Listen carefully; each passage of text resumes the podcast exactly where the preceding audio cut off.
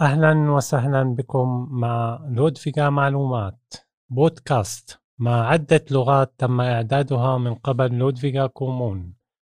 كل أسبوع تستطيعون الاستماع إلى أخبار ومعلومات متنوعة التي تحمل بين طياتها المتعة والإفادة للجميع. هذه المعلومات تتعلق بالمجتمع السويدي. والعالم على شكل ريبورتاجات وتقارير وبكل سهولة وبساطة تستطيع متابعتنا من خلال موبايلك. هنا سنقوم بنشر التقارير والريبورتاجات بست لغات مختلفة. أولا السويدية البسيطة. اثنين الإنجليزية. ثلاثة العربية. أربعة التجرينية. خمسة الصومالية. ستة الإيرانية. نحن نعمل من أجل الحصول على التميز من خلال تقديم أفضل المواضيع الراهنة والكلمات السويدية الهامة المستخدمة في حياتنا العملية واليومية التي نأمل أن تنال إعجابكم وتقديركم الغالي على قلوبنا جميعا. وكلنا أمل أن تشاركونا اقتراحاتكم حول عملنا الذي سيكبر ويزدهر من خلال تعاونكم الذي نقدره ونحترمه من أعماق قلوبنا الصادقة لإيصال كل ما هو مهم وجديد.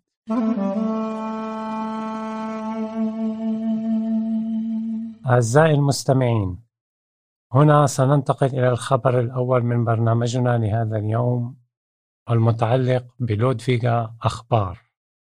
في البداية سنتحدث عن عدد الأشخاص المقيمين في لودفيغا. للأسف الشديد إن هذا العدد تناقص 91 شخص حسب الإحصائية الصادرة خلال الثلاثة شهور الماضية والتي كانت في الشهر السابع والثامن والتاسع وقد أعرب العديد من السياسيين عن أسفهم الشديد حول ذلك ولكن ماذا يعني تناقص أعداد المقيمين في لودفيغا؟ إن تناقص المقيمين يعني تناقص الميزانية.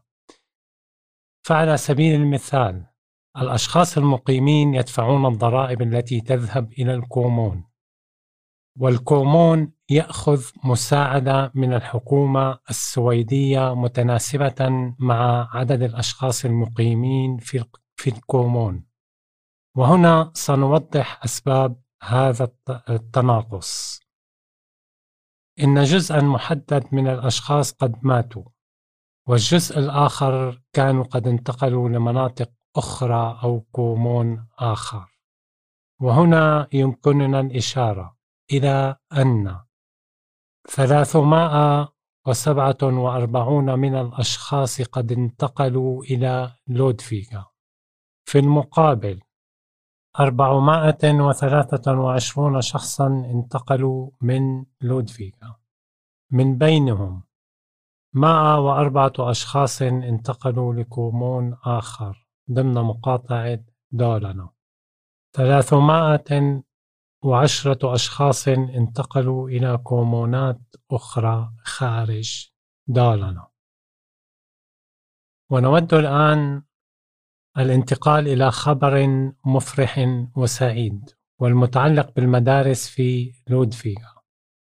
لقد احتلت مدارس لودفيغا موقعا جيدا حسب تقارير اتحاد المعلمين الذي يصدر كل عام والذي أوضح بأن مدارس لودفيغا احتلت المرتبة المائة وثلاثة عشر من أصل 290 وهنا نود الإشارة إلى العمل العظيم والجهد المبذول من قبل المعلمين والموظفين العاملين في حقل التعليم.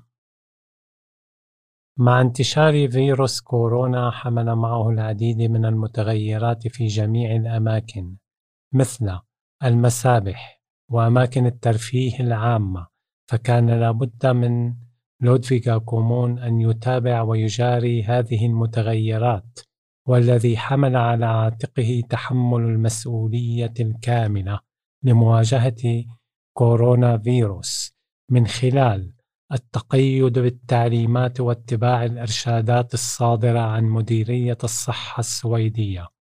فعلى سبيل المثال لا الحصر. في مكتبة لودفيغا يمكن للمرء البقاء لوقت قصير لا يتراوح الخمسة عشر دقيقة. عندما يريد استعارة كتاب أو إعادة كتاب.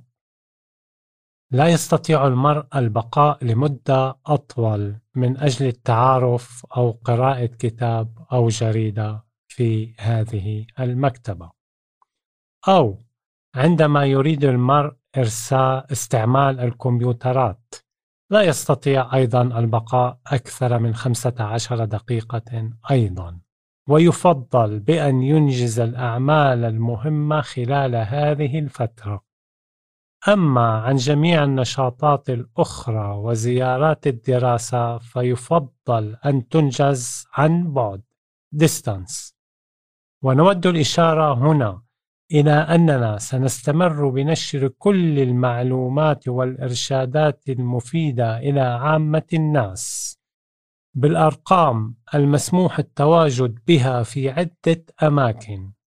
على سبيل المثال مكتبة لودفيغا. عشر أشخاص.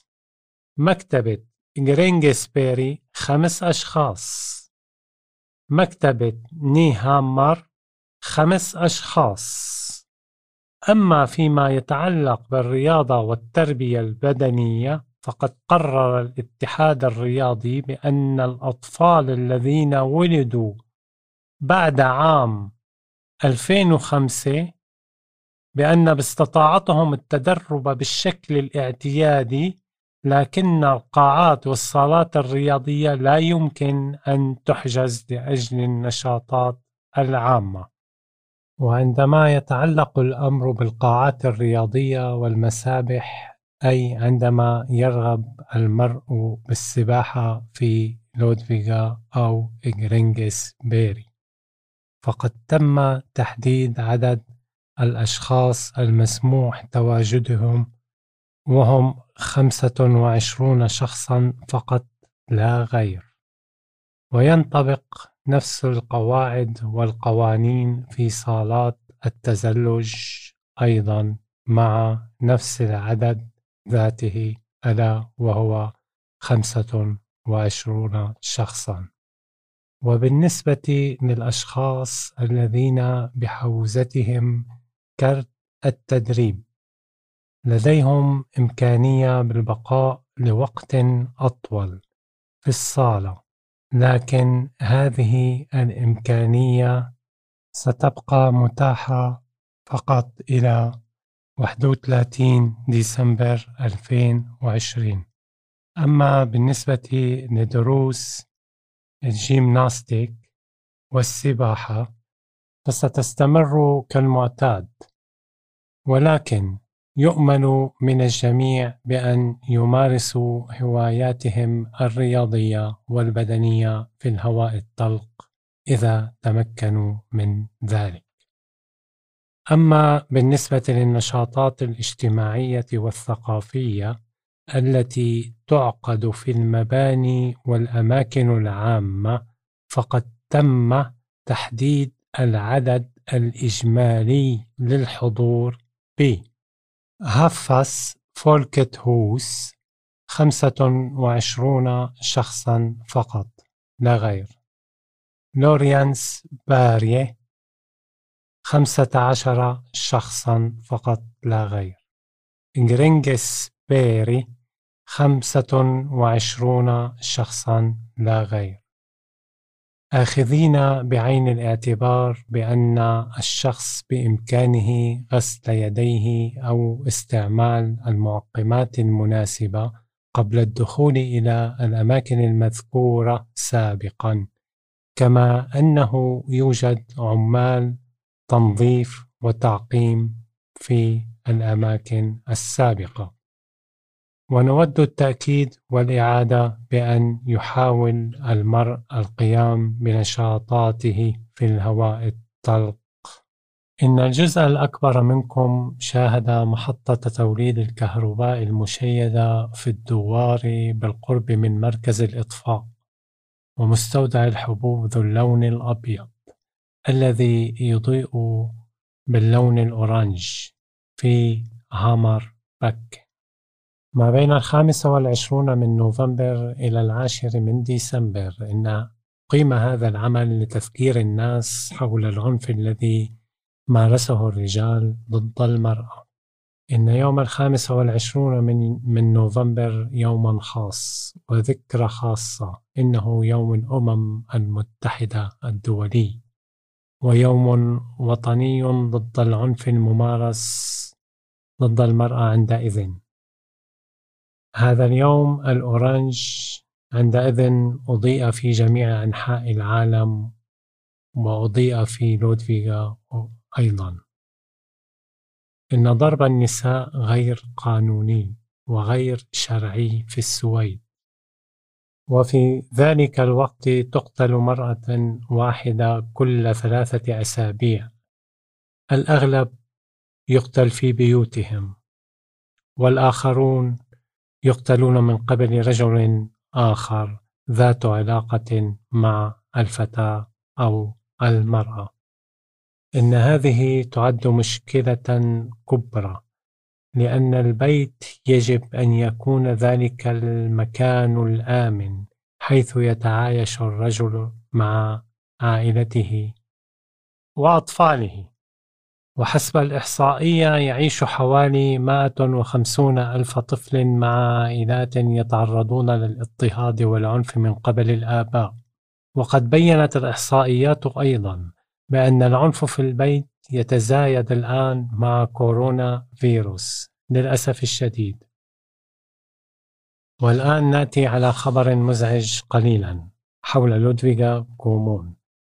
لقد قرر لودفيغا kommun إغلاق Vänskapshuset في لودفيغا في الثامن عشر من ديسمبر أمام الزوار ويعود ذلك القرار لقلة الناس المحتاجين للمساعدة وبالإجمال فإن المهاجرين أصبحوا الآن قادرين على إنهاء قسم أكبر من احتياجاتهم وأعمالهم اليومية بالاعتماد على أنفسهم وغير محتاجين لخدمة المهاجرين.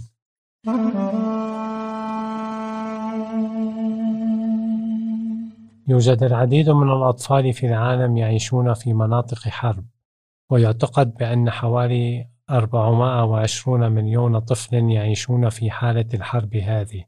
وحسب التقارير الصادرة عن منظمة أنقذوا الأطفال والذي تحدث عن الأطفال في الحرب والذي طالب بوجوب تخفيض العنف ضد الأطفال وطالب جميع البلدان بضرورة إنهاء هذه الحروب في المدن. محل الحروب. والآن سننتقل إلى أخبار الرياضة. لقد حصلت على مشكلة كبيرة أيضا مع فيروس فيروس كورونا. فالمباريات والتمارين الرياضية أصبحت شبه متوقفة أو ملغاة. وتعتقد مديرية الصحة العامة بأن المباريات تزيد من انتشار كورونا. لكن ذلك لا يتعلق بنشاطات الأطفال الرياضية. ويعتقد الخبراء والباحثون بأن جميع الأطفال تحت سن الخامسة عشر بإمكانهم الاستمرار والاستمتاع بالرياضة كالمعتاد لأن هذا يعد ضروريا جدا للأطفال ولأنهم لا ينشرون كورونا بسهولة. في التاسع عشر من ديسمبر سيقوم التلفزيون السويدي بعرض برنامج جديد عن فيروس كورونا والمسمى خاص كورونا. في هذا البرنامج سيتمكن المشاهد من الحصول على الأجوبة المتعلقة بأسئلتهم حول كورونا فيروس. ستقدم هذا البرنامج هبة دانيال وسيقدم البرنامج مرتين في الأسبوع. قررت الحكومة السويدية شراء اللقاحات ضد فيروس كورونا. وهذا يعني بأن الحكومة السويدية ستقوم بشراء اللقاحات على شكل ثلاثة أنواع مختلفة. ويعتقد الخبراء بأن السويد ربما تبدأ بإعطاء اللقاح للمواطنين في يناير 2021 وسيتم إعطاء الأولوية للأشخاص الذين يعانون من حالات مرضية معينة وكبار السن. والعاملين في قطاع الصحة العامة. لكن الخبراء قالوا بأن ذلك سيستغرق وقتا قبل أن يقوم اللقاح بإيقاف العدوى. وقالوا أيضا بأن على الجميع أن يكونوا مستعدين لإجراءات جدية وجديدة على الأقل حتى الخريف القادم للحد من انتشار كورونا فيروس. على عكس ما يظنه أو يتوقعه الكثيرون من الناس في بداية أزمة كورونا فإن هناك قسم كبير من الشباب الذي التي تتراوح أعمارهم بين العشرون والتاسعة والعشرون بأنهم تعرضوا للإصابة بفيروس كورونا في معظم أنحاء السويد. إن أغلب الإصابات بكورونا فيروس الآن هم من كبار العمر والمسنين. ووفقا للدراسات والأبحاث وقد بينت بأن معظم الشباب غير خائفين من انتقال عدوى الفيروس لهم. وكان هذا السبب الرئيسي لعدم اتباع هذه الفئة العمرية للإجراءات المتبعة للوقاية من هذا الفيروس. وأن جزء منهم لم يصابوا بهذا الفيروس فعلا. لكن على النقيض من ذلك فإن الجزء الأكبر منهم قد تعرضوا للإصابة الفعلية بهذا الفيروس مع رعاية صحية ومتابعة شاملة في المشفى. وقد بين المسح الذي أجري في منطقة غوتلاند على 200 شاب وتتراوح أعمارهم ما بين العشرون والتاسع والعشرون بأن عشرون شابا منهم احتاجوا لرعاية طبية في المشفى. وكما نسمع ونشاهد أعزائي المستمعين فإن فيروس كورونا لا يزال آخذ في الانتشار وبقوة كبيرة في جميع مناطق السويد عامة وأن الإصابات تزداد يوما بعد يوم. مما يتوجب علينا اتباع تعليمات وإجراءات قاسية لمواجهة هذا الفيروس وعلى سبيل العد للحصر بإمكان الشخص البقاء في المنزل إذا تبين أن أحد أفراد أسرته مصابا لحين التأكد التام من الشفاء أو عدم الإصابة.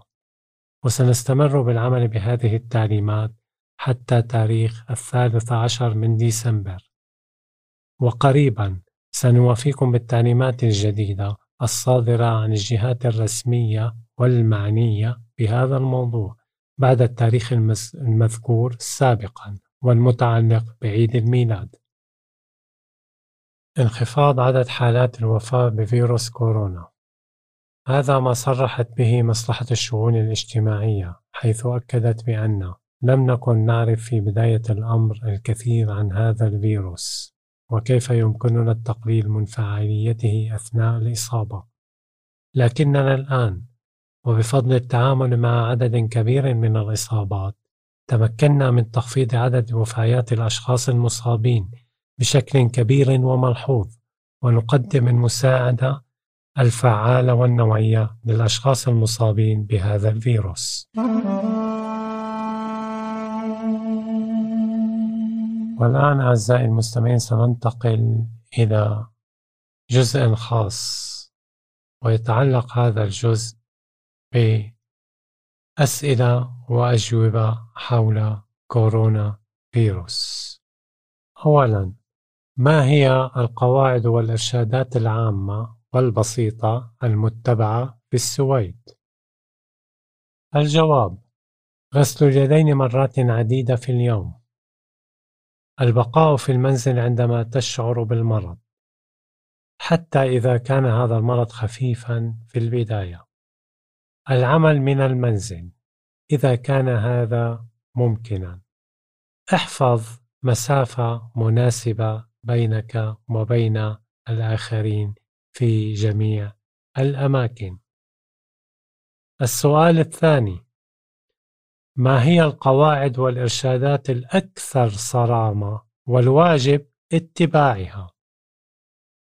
تجنب الذهاب إلى الأماكن العامة مثل المتاجر أماكن التسوق المزدحمة المتاحف الصالات الرياضية المسابح والمكتبات جنب نفسك الاجتماعات والمؤتمرات والمسارح. عدم ممارسة الأنشطة الرياضية مع الآخرين ولكن فقط مع الأطفال دون سن الخامسة عشرة يمكنك التدرب واللعب فقط. لا تقابل الأشخاص ولا تذهب إلى الحفلات.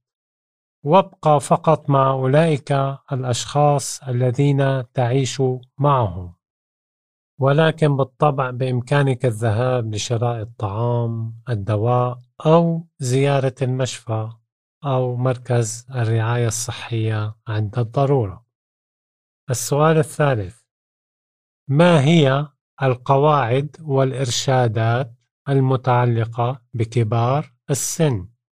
إن نفس القواعد والإرشادات تنطبق أيضا على كبار السن التي تم ذكرها سابقا. لكن مديرية الصحة العامة أصدرت تعليمات إضافية متعلقة بكبار السن فوق السبعون عاما. ومن بين التعليمات وجوب البقاء في المنزل لكنها أبعدت الآن. لكنه نوه أيضا بأن نفس الفئة العمرية يتهددهم خطر أكبر إذا تعرضوا للإصابة بكورونا فيروس. ما هي القواعد والنصائح عند اللقاءات؟ الجواب يجب حفظ مسافة متر ونصف عند اللقاءات. مسافة تباعد وعدم التجمع لأكثر من 15 شخص. شخصا وبذلك يمكن تقليل الخطر من انتشار العدوى. سؤال هل السفر مسموح به؟ جواب نعم بإمكانك السفر في السويد لكنك لا تستطيع السفر إذا كنت مصابا بكورونا فيروس. وفكر دائما بحفظ مسافة آمنة بينك وبين الآخرين عند السفر. وبإمكانك السفر أيضا لبلدان أخرى في الاتحاد الأوروبي. ولكن ولو سمحت لا تخاطر لا تسافر إلى بلدان خارج الاتحاد الأوروبي. سؤال: كيف تتم العدوى والإصابة بكورونا فيروس؟ تتم العدوى والإصابة عندما نكون بجانب أشخاص مصابين، وينتشر هذا الفيروس عند السعال أو المصافحة باليد. أو عندما نستعمل نفس الأشياء والأدوات للشخص المصاب. سؤال: لماذا لا يتوجب علينا وضع كمامة الفم؟ لقد أكد الخبراء والباحثين في وكالة الصحة العامة في السويد بأن كمامة الفم لا توقف أو تحد من انتشار العدوى ومن الأفضل والأهم الحفاظ على مسافة آمنة مع الآخرين والبقاء في المنزل حين الشعور أو الاشتباه بالمرض. سؤال: ما هي الاختبارات والفحوصات المتواجدة لكورونا؟ جواب: هناك نوعين من الاختبارات لكورونا. الأول يظهر ويبين إذا كان الإنسان مصابا أم لا. الثاني بعد وقت معين من الإصابة لمتابعة نظام الحماية الذاتي للجسم ومعرفة مدى الاستجابة مع المضادات الحيوية المعطاة للجسم أي متابعة الحالة العامة للجسم والمرض على حد سواء. سؤال: ماذا يتوجب علي عمله إذا أصبحت مصابا بكورونا؟ هذا يحدده الاختبار في الدرجة الأولى، وهنا يجب عليك اتباع قوانين وإرشادات الحماية والوقاية التي تحدثنا عنها سابقا. وبإمكانك أيضا إخبار الآخرين بأنك مصاب بكورونا فيروس. ونخص بالذكر الأشخاص الذين قابلتهم خلال الفترة الأخيرة حيث يمكنهم إجراء فحص كورونا. وبالتالي الحد من تقليل انتشار العدوى. كما يمكنك البقاء في المنزل وعدم الاختلاط بالآخرين. لفترة طويلة من الزمن. ولحين التأكد من الشفاء التام بعد ذلك يمكنك البقاء يومين إضافيين قبل الخروج والعودة لعملك أو أي مكان آخر. سؤال: ما الذي يجب علي عمله إذا أصيب شخص من أحد أفراد عائلتي؟ جواب: يجب عليك البقاء في المنزل مع الحفاظ على مسافة التباعد الآمنة مع الشخص المصاب لتجنب نفسك العدوى. اغسل يديك بالماء والصابون لمرات متعددة طوال اليوم. حاول عدم النوم بنفس الغرفة مع المصاب إذا أمكن. سؤال: كم من الوقت سيبقى خطر فيروس كورونا ومتى تتوقع انتهائه وزواله لا أعرف بالضبط لكن على الأرجح ليس قبل نجاح اللقاح المضاد. سؤال ولكن متى يأتي هذا اللقاح الموعود؟ جواب العديد من الشركات بدأت العمل لإيجاد اللقاح الفعال. وتطويره لكن هذا غير منتهي تماما. لكن يمكنني القول بأن هذا سيكون جاهزا في بداية العام القادم وقد وضعت الحكومة السويدية الخطط اللازمة لتمكين الجميع من الحصول على هذا اللقاح.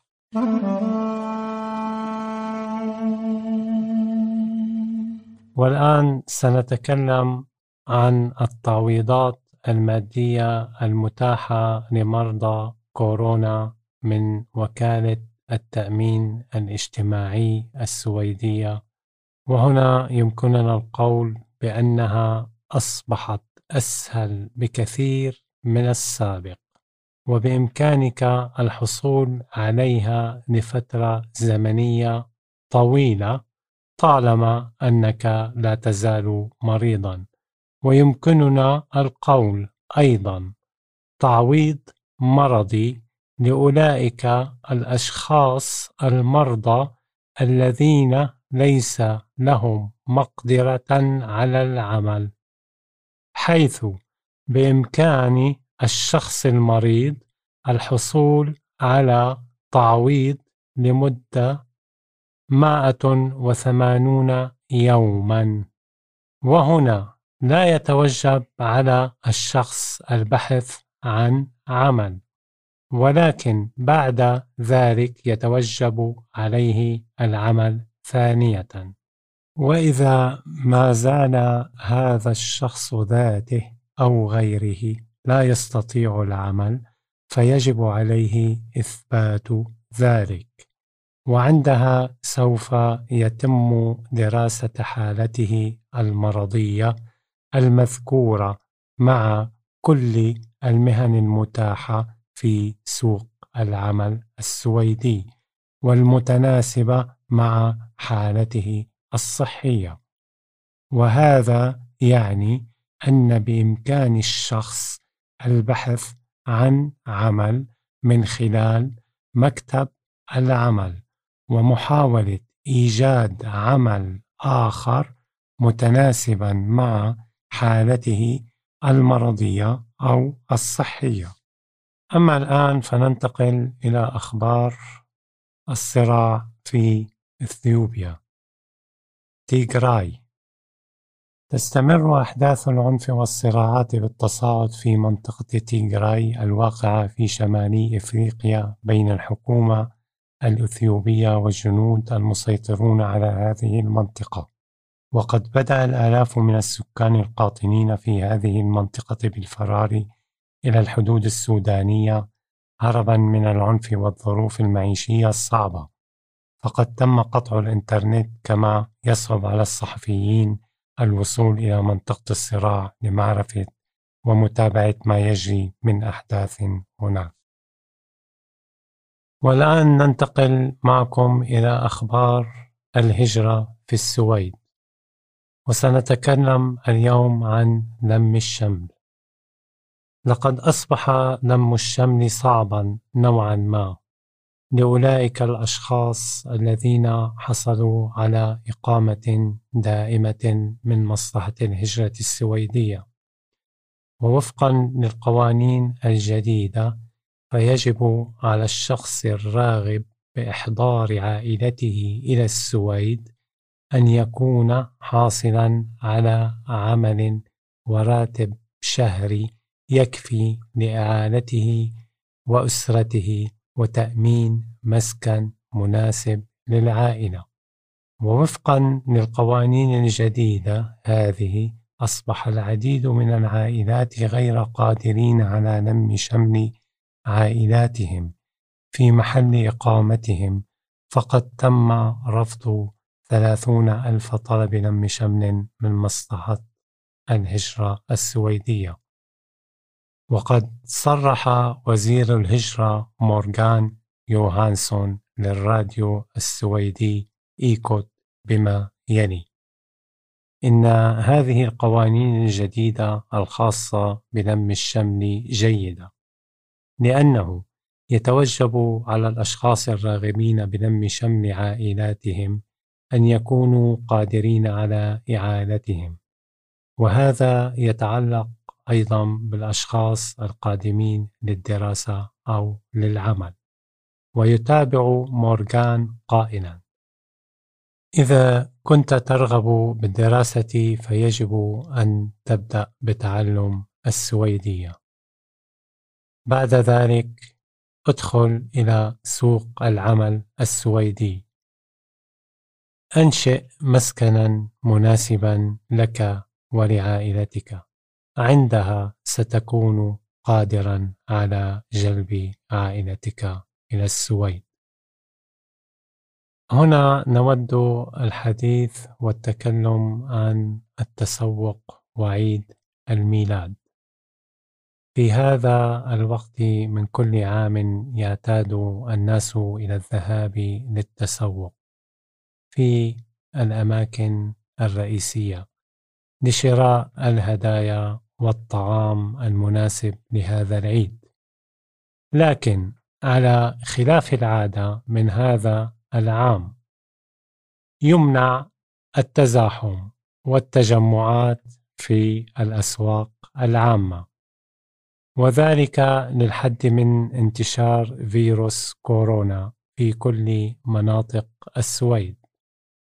لكن يمكن للمرء شراء الطعام والدواء عند الضرورة مع محاولة تجنب الازدحام والحفاظ على مسافة التباعد الآمنة مع الأشخاص في كافة مراكز التسوق. وهنا نود الإشارة إلى الجمعة السوداء التي صادف وقوعها قبل عدة أسابيع مضت. وقد اعتادت العديد من المحلات تخفيض أسعار السلع مع وقت محدد لمدة يوم واحد أو يومين. حيث رأينا تجمعات بشرية أمام أبواب المتاجر للحصول على التخفيضات المعلن عنها. وتعتقد الحكومة السويدية بأن هذا خطأ كبير ويساعد على انتشار كورونا فيروس وبإمكان الناس اتباع التسوق الإلكتروني. والآن ما هي هدية عيد الميلاد لعام 2020 لقد جرت العادة من كل عام أن تقوم شركة معينة بإخبارنا ماذا يعتقدون عن هدية عيد الميلاد. في نفس العام ويتم خلاله تحديد وعكس الظروف والوقت الذي نعيش فيه وقد تم تحديد المطبخ الكبير ماذا يعني المطبخ الكبير؟ المطبخ الكبير يعني الطبخ في الطبيعة. هذه هي هدية عيد الميلاد لعام 2020 حيث يمكنك تحضير الطعام في الطبيعة باستعمال موقد الغاز القوي. الذي لا تستطيع الرياح القوية من إطفائه. ويمكنه أيضا الاحتفاظ بحرارة عالية لمدة أطول. وللذين لا يستطيعون استعمال الكهرباء في منازلهم. وقد ازدادت شعبية هذا الموقد خلال زمن كورونا. وعاد الناس إلى الطبيعة والغابات. لتجنب الأماكن المزدحمة حيث يمكنك لقاء الأحبة والأصدقاء وتناول الطعام الشهي واللذيذ.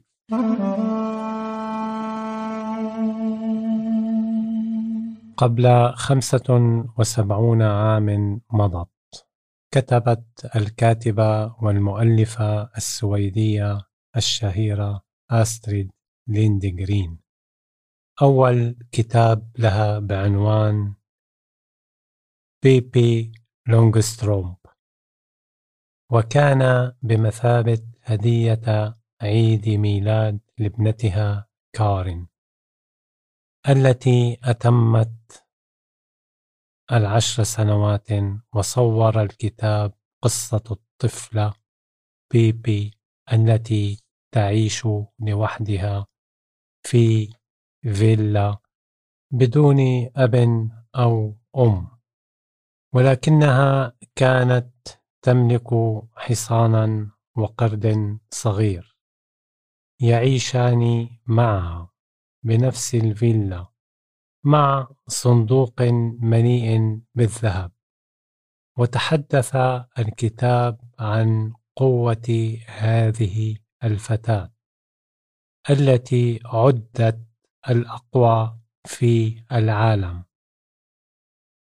كان الكتاب خياليا لحد ما لكنه كان ممتع جدا ولم تقبل أي دار نشر حينها بنشر الكتاب لأنهم اعتقدوا أن هذا الكتاب ليس فقط للأطفال.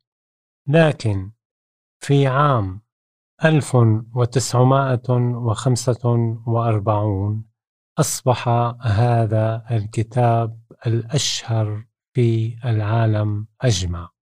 وكتب هذا الكتاب على شكل أفلام وقصص للأطفال. وترجم إلى سبعة وسبعون لغة مختلفة. وكانت قد توفيت الكاتبة السويدية أستريد ليندغرين عام 2002 Här kommer Pippi Långstrump, tjolahopp, tjolahej, tjolahoppsan sa. Här kommer Pippi Långstrump,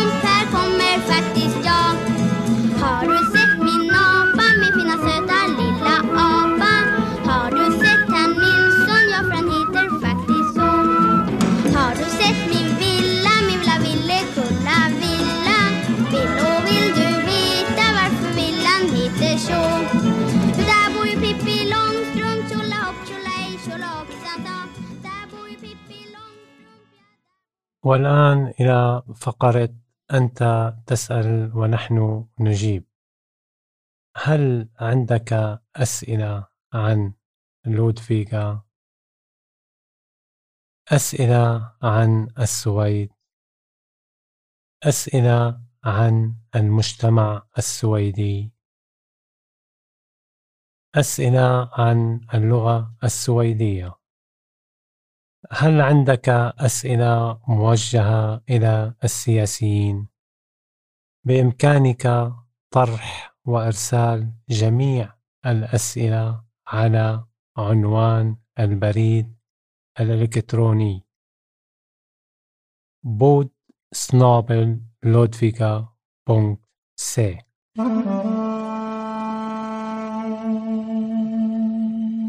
والآن إلى فقرة فيكانس سفينسكا أي كلمات الأسبوع. وقد اخترنا لكم كلمات من خلال النصوص التي سمعتموها.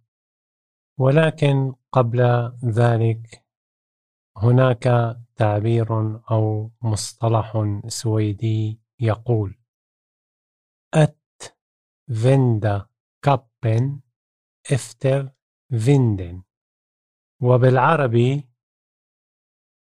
ناسب أو وجه معطفك حسب اتجاه الريح. ومعنى هذا المصطلح أن على الإنسان تغيير وجهة نظره حسب ما يعتقد به الآخرون. هل هناك مصطلح مشابه لهذا في لغتك العربية؟ أما بعد سنأتي على ذكر بعض الكلمات التي نعتقد أنها مهمة جدا في حياتنا اليومية والتي اخترناها لكم من النصوص التي سمعتموها.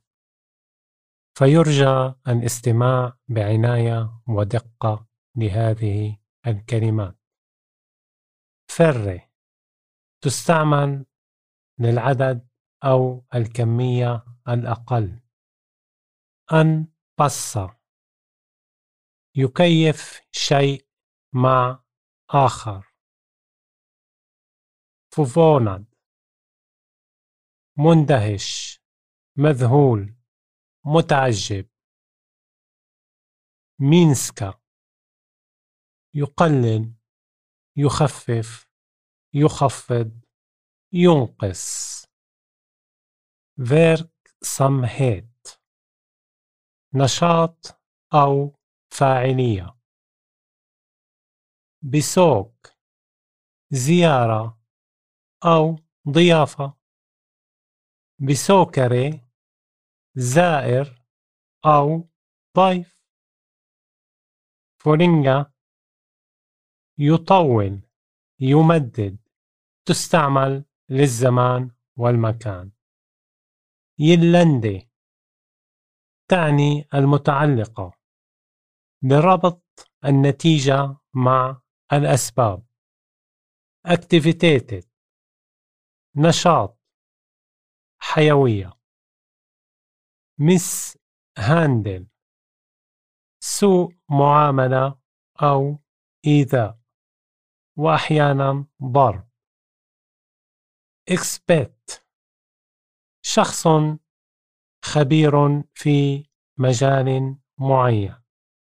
ترينغاس يزاحم يتوغل يحشر نفسه. في موضع أو موقف معين.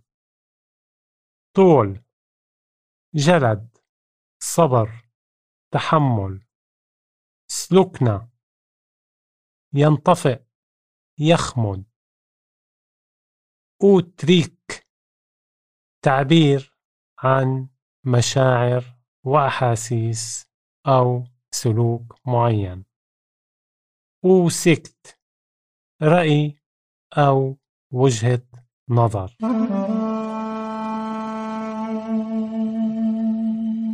والآن ننتقل إلى فقرة تاريخ لودفيغا.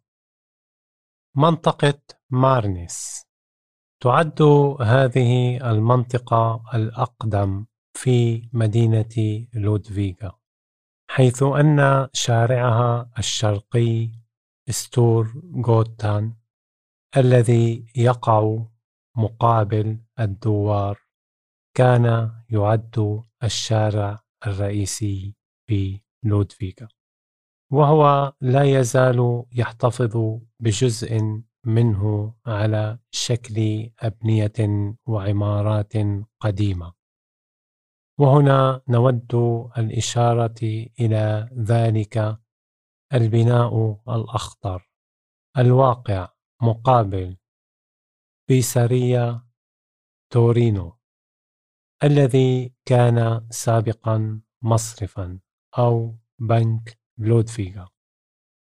أما المسبح والصالة الرياضية المتواجدة الآن فكانت حديقة عامة وكبيرة لأنواع متعددة من الحيوانات. وعندما شرعوا باستخدام سكة الحديد تم نقل مركز أو سنتروم لودفيغا للمكان المتواجد حاليا والمسمى لودفيغا سنتروم. ومع الأسف الشديد فإن جزءا كبيرا من هذه الأبنية القديمة تمت إزالتها بسبب التوسع المعماري لكنك تستطيع قراءة ورؤية بعض الشواخص والآرمات التي تحكي تاريخ وهوية هذا المكان إلى يومنا الحالي وربما لمئات السنين القادمة.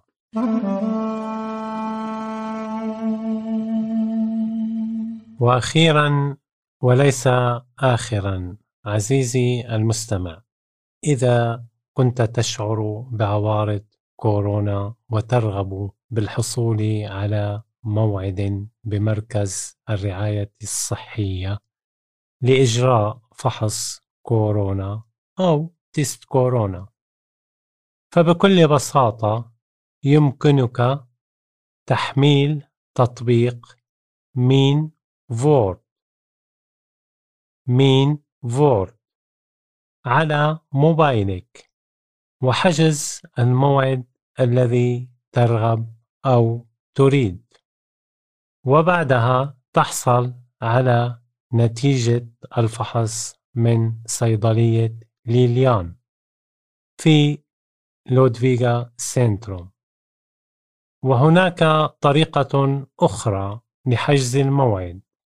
وذلك من خلال الاتصال على الرقم واحد واحد سبعة سبعة إداش سبعة وسبعين أو إلى المركز الصحي التابع لمحل إقامتك.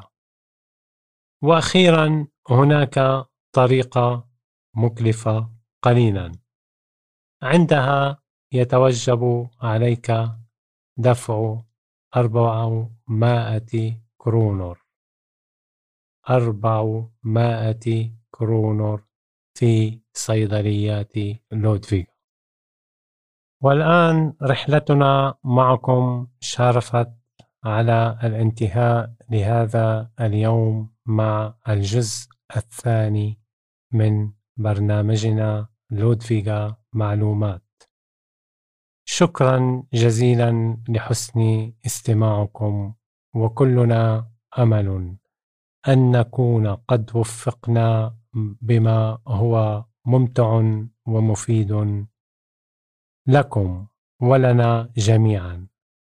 كما نعدكم بتقديم ما هو أفضل في الأيام القادمة. فمن خلال دعمكم ونصائحكم الغالية على قلوبنا جميعا نستطيع السير قدما نحو الأفضل.